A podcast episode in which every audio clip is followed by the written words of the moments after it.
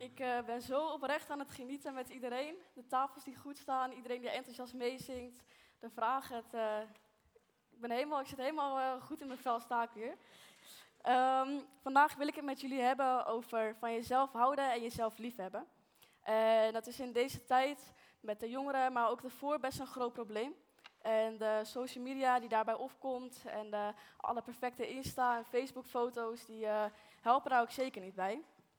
En ik ben benieuwd als jij of u een moment voor jezelf zou nemen, jezelf in de spiegel zou aankijken en jezelf zou afvragen of je van jezelf houdt, of je tevreden bent met jezelf, wat zou je antwoord zijn? Zouden er veel dingen zijn die jij jezelf zou aanpassen? Ben je? Zijn er andere dingen die je wilt doen aan jezelf? En is het altijd al zo geweest? Of zijn er dingen gebeurd in je leven die daar invloed op hebben gehad? Mensen die dingen hebben gezegd? En als je nadenkt over je antwoord, in hoeverre speelt God daar een rol?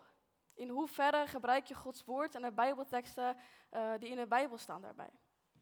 En jezelf vergelijken, dat is een gevaarlijk iets. En een simpel voorbeeld van een eigen ervaring afgelopen week uh, was op school. En we gingen basketballen in een toernooi. En mijn team was uh, een van de allerslechtste. Nou, dat is jammer, want ik kan niet heel goed tegen mijn verlies. Um, en we zijn de ene laatste geworden. Nou, het kan slechter, maar het kan ook zeker beter. En de nummer 1 en 2 die speelden een finale op een groot veld en wij moesten toekijken. En ik zat bij mezelf te denken um, dat ik me minder voelde tegenover die jongen die al 15 keer raak gooide. En elke bal die hij had ging erin en ik deed zo mijn best. En elke keer weer mis, helemaal mis. En ik was mezelf constant aan het vergelijken met hem. Maar tegelijkertijd schoot er in mijn gedachten, weet je, we zijn één laatste geworden. En er is dus nog een team die nog slechter is dan ik ben. Er is dus ook iemand die helemaal niks heeft raakgegooid.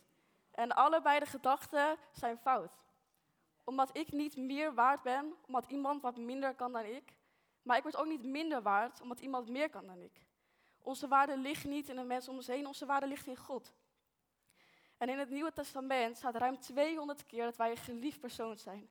En er staat niet alleen je bent geliefd, er staat je bent heilig, je bent krachtig, je bent een erfgenaam van Gods koninkrijk. En hoor je hoe ik het woord bent gebruik?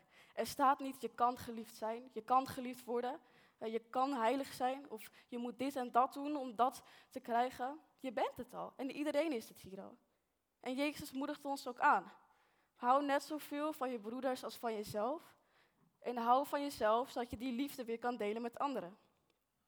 En een aantal weken terug uh, zaten we hier na de dienst met elkaar te bespreken in de vorm van stellingen. Hey, hoe kijken we eigenlijk naar onze gemeente? Zijn we het met dingen eens? Moet de dienst langer, korter? Hoe moeten de nummers? En het viel op dat er weinig vragen waren waar iedereen in hetzelfde vak stond. Er zijn veel meningsverschillen over hoe dingen in elkaar moeten. En ik vroeg me af naar de dienst, en wat nu? Wat moeten we hiermee met al deze meningsverschillen? En ik denk dat het goed is dat we blijven onthouden dat we naast onszelf ook van de anderen moeten houden. Want wij zijn verbonden door een aantal dingen. En onder andere omdat wij allemaal God lief hebben. En daarom in deze liefde kunnen wij als gemeente elkaar vinden. Kunnen we God herkennen. En de liefde verbindt ons ook. God vindt ons waardig genoeg om ieder van ons lief te hebben. Dus laten we die liefde ook doorgeven. En vergeet niet dat uh, dat op zoveel manieren kan. Dus de band die hier staat, de mensen die de koffie schenken, maar ook die ene persoon die het misschien niet laat zien, maar wel thuis elke avond bidt voor iemand in de kerk. Want wij zijn allemaal onderdeel van Gods lichaam. En als iedereen hier een oog zou zijn, dan zou dat niet werken. En dat is het hele mooie. We hebben allemaal onze eigen talenten, onze eigen krachten om dat lichaam te zijn. En om Gods woord duidelijk te maken aan de rest van de wereld. Dus houd net zoveel als van je broers en zusters als van jezelf. En hou van jezelf, zodat je deze liefde kan delen met de mensen om je heen. Op school heb ik elke week coachles. En een aantal weken geleden werd er mij over een onderzoek verteld waarbij mensen onderaan het trap begonnen en ze moesten een negatief ding over hunzelf zeggen. En die mocht alle kanten op. En bij elk ding dat ze zeiden, moesten ze een tree omhoog. En sommige mensen stonden daar bovenaan. En om weer naar beneden te komen, moest je een positief ding over jezelf zeggen. Bij elke tree. En er staan mensen die minimaal een half uur halverwege stonden, omdat ze niet beneden kwamen. Omdat ze het niet voor elkaar kregen om die positieve dingen over hunzelf te zeggen. En ik, met een beetje een grappige bedoeling, vroeg mijn coach, wanneer gaan wij het nou eens doen? Wanneer doen wij het in de klas? En ik hoopte eigenlijk dat ik een leuke opmerking zou krijgen. En in plaats daarvan keek hij me aan en zei hij, Zal jij beneden komen, Mika? Zal jij die laatste train naar beneden, zal jij dat halen? En ik keek hem aan en ik liep weg en ik was verward, want ik hou niet van dat soort directe vragen, maar hij bleef me bezighouden. Want ik weet niet of ik beneden zou komen. En toen ik deze tekst aan het schrijven was en de Bijbeltekst aan het opzoeken was, um, voelde ik mezelf zo hypocriet bezig. Want ik wil jullie iets meegeven over van jezelf houden en Gods woord daarbij vertellen, terwijl ik het misschien zelf niet eens altijd geloof. Terwijl ik misschien zelf niet eens beneden zou komen. En toch heb ik besloten om het wel te doen, want de dag daarna dat ik wakker werd, stond ik voor de spiegel, uh, was ik mijn outfit aan het uitkiezen en ik had een shirtje klaar liggen. En ik was zo erg aan het twijfelen. Want ik vond hem leuk, maar ik wist niet of de andere mensen in mijn klas het net zo leuk vonden als ik. En tegelijkertijd schoten de Bijbelteksten van die dag daarvoor door mijn hoofd. En helaas heb ik het shirt niet aangedaan, maar ik heb wel een stap gemaakt. Want de vorige keer dat ik voor de spiegel stond en aan het struggelen was met wat gaan andere mensen van me vinden, waren er geen Bijbelteksten die door mijn hoofd schoten. Waren er geen dingen waar ik ergens anders naar kon kijken behalve de mening van anderen. En nu wel. En ik geloof dat er op een dag dat ik voor die spiegel ga staan en dat die Bijbelteksten en dat het woord van God en God zelf groter gaan zijn dan mijn angst voor de mening van anderen. En ik hoop dat ik dat aan jullie mee kan geven. Dat de volgende keer, als jij twijfelt, ben ik goed genoeg? Of wat vinden andere mensen van mij? Dat dat gevoel, dat dat niet ehm, belangrijker gaat zijn dan wat je weet over God en wat je weet over Gods woord. En het gaat niet alleen om welke kleding doe ik aan, of welke schoenen, of moet ik iets nieuws kopen, maar ook over je eigen sterke en zwakte punten. Want we hebben ze allemaal. Niemand hier heeft alleen sterke punten. En dat is iets wat we moeten accepteren, hoe moeilijk dat ook kan zijn. En we hebben allemaal wel eens ehm, moeite daarmee. Maar realiseer je is dat elk sterk punt van jou, dat dat gegeven is door God. En dat het goed is om die te erkennen. En het is niet slecht om te reflecteren op jezelf. En je hoeft echt niet als zo'n jongen rond te lopen te zeggen, ik kan dit en ik kan dat en ik ben zo ontzettend goed. Maar het is wel belangrijk om die sterke punten te blijven opnoemen. Want het eerste boek van het eerste hoofdstuk vertelt ons al dat God zei, laten wij mensen maken naar ons evenbeeld, naar onze gelijkenis. En God schiep de mensen naar zijn beeld. En hij schiep de vrouw en de man en hij zei, alles wat ik heb gemaakt is goed. Alles wat ik gemaakt heb is goed. En misschien denk je nu weer bij jezelf, ja, maar dat was toen. En nu zijn er zoveel slechte dingen in de wereld. Eens. Maar een briefje van 100 verliest zijn waarde niet als het gekreukeld wordt. Een briefje van 100 krijgt niet meer of minder waarde als er een scheur in zit. En wij zijn niet meer of minder waardig vergeleken met de mensen om ons heen. God heeft ons gemaakt en hij zei het is goed. En probeer de dingen die God over ons zegt te geloven. Laat het eens op je indringen wat hij over ons zegt. Probeer de mening van mensen om ons heen en misschien de mening die je over jezelf hebt eens los te laten. En het is lastig. Want er zijn zoveel meningen om ons heen, er zijn zoveel mensen waar we om geven. En dat ik me afvraag, oké, nou die jongen vind ik eigenlijk wel leuk, moet ik dan nu iets anders aan doen, zodat hij me misschien leuker gaat vinden? Laat dat, laat dat eens los.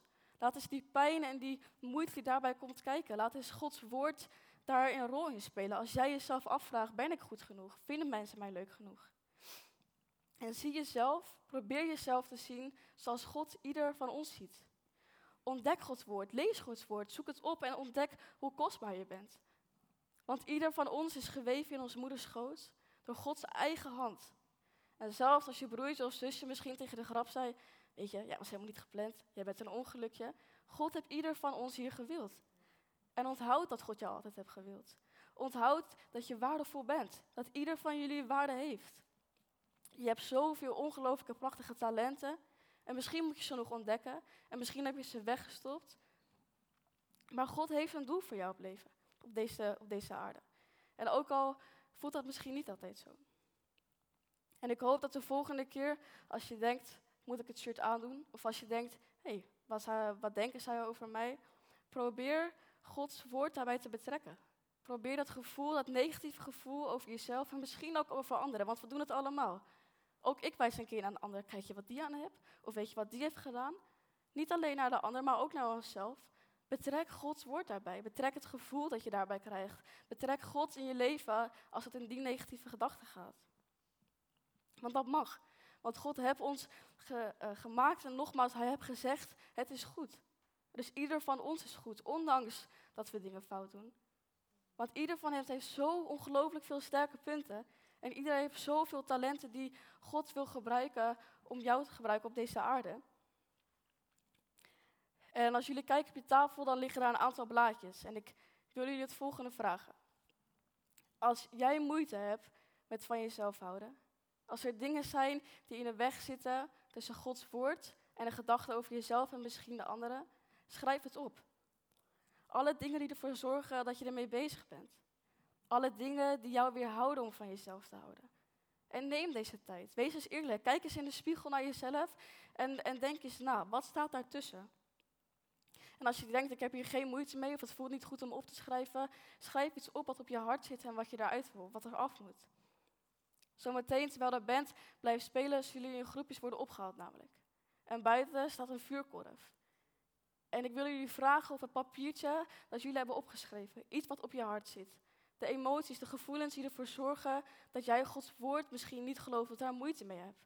Scheur het, verfrommel het en gooi het in het vuur als een fysieke beweging om het weg te gooien, om het los te laten, om te accepteren en te weten dat God van ieder van jullie houdt.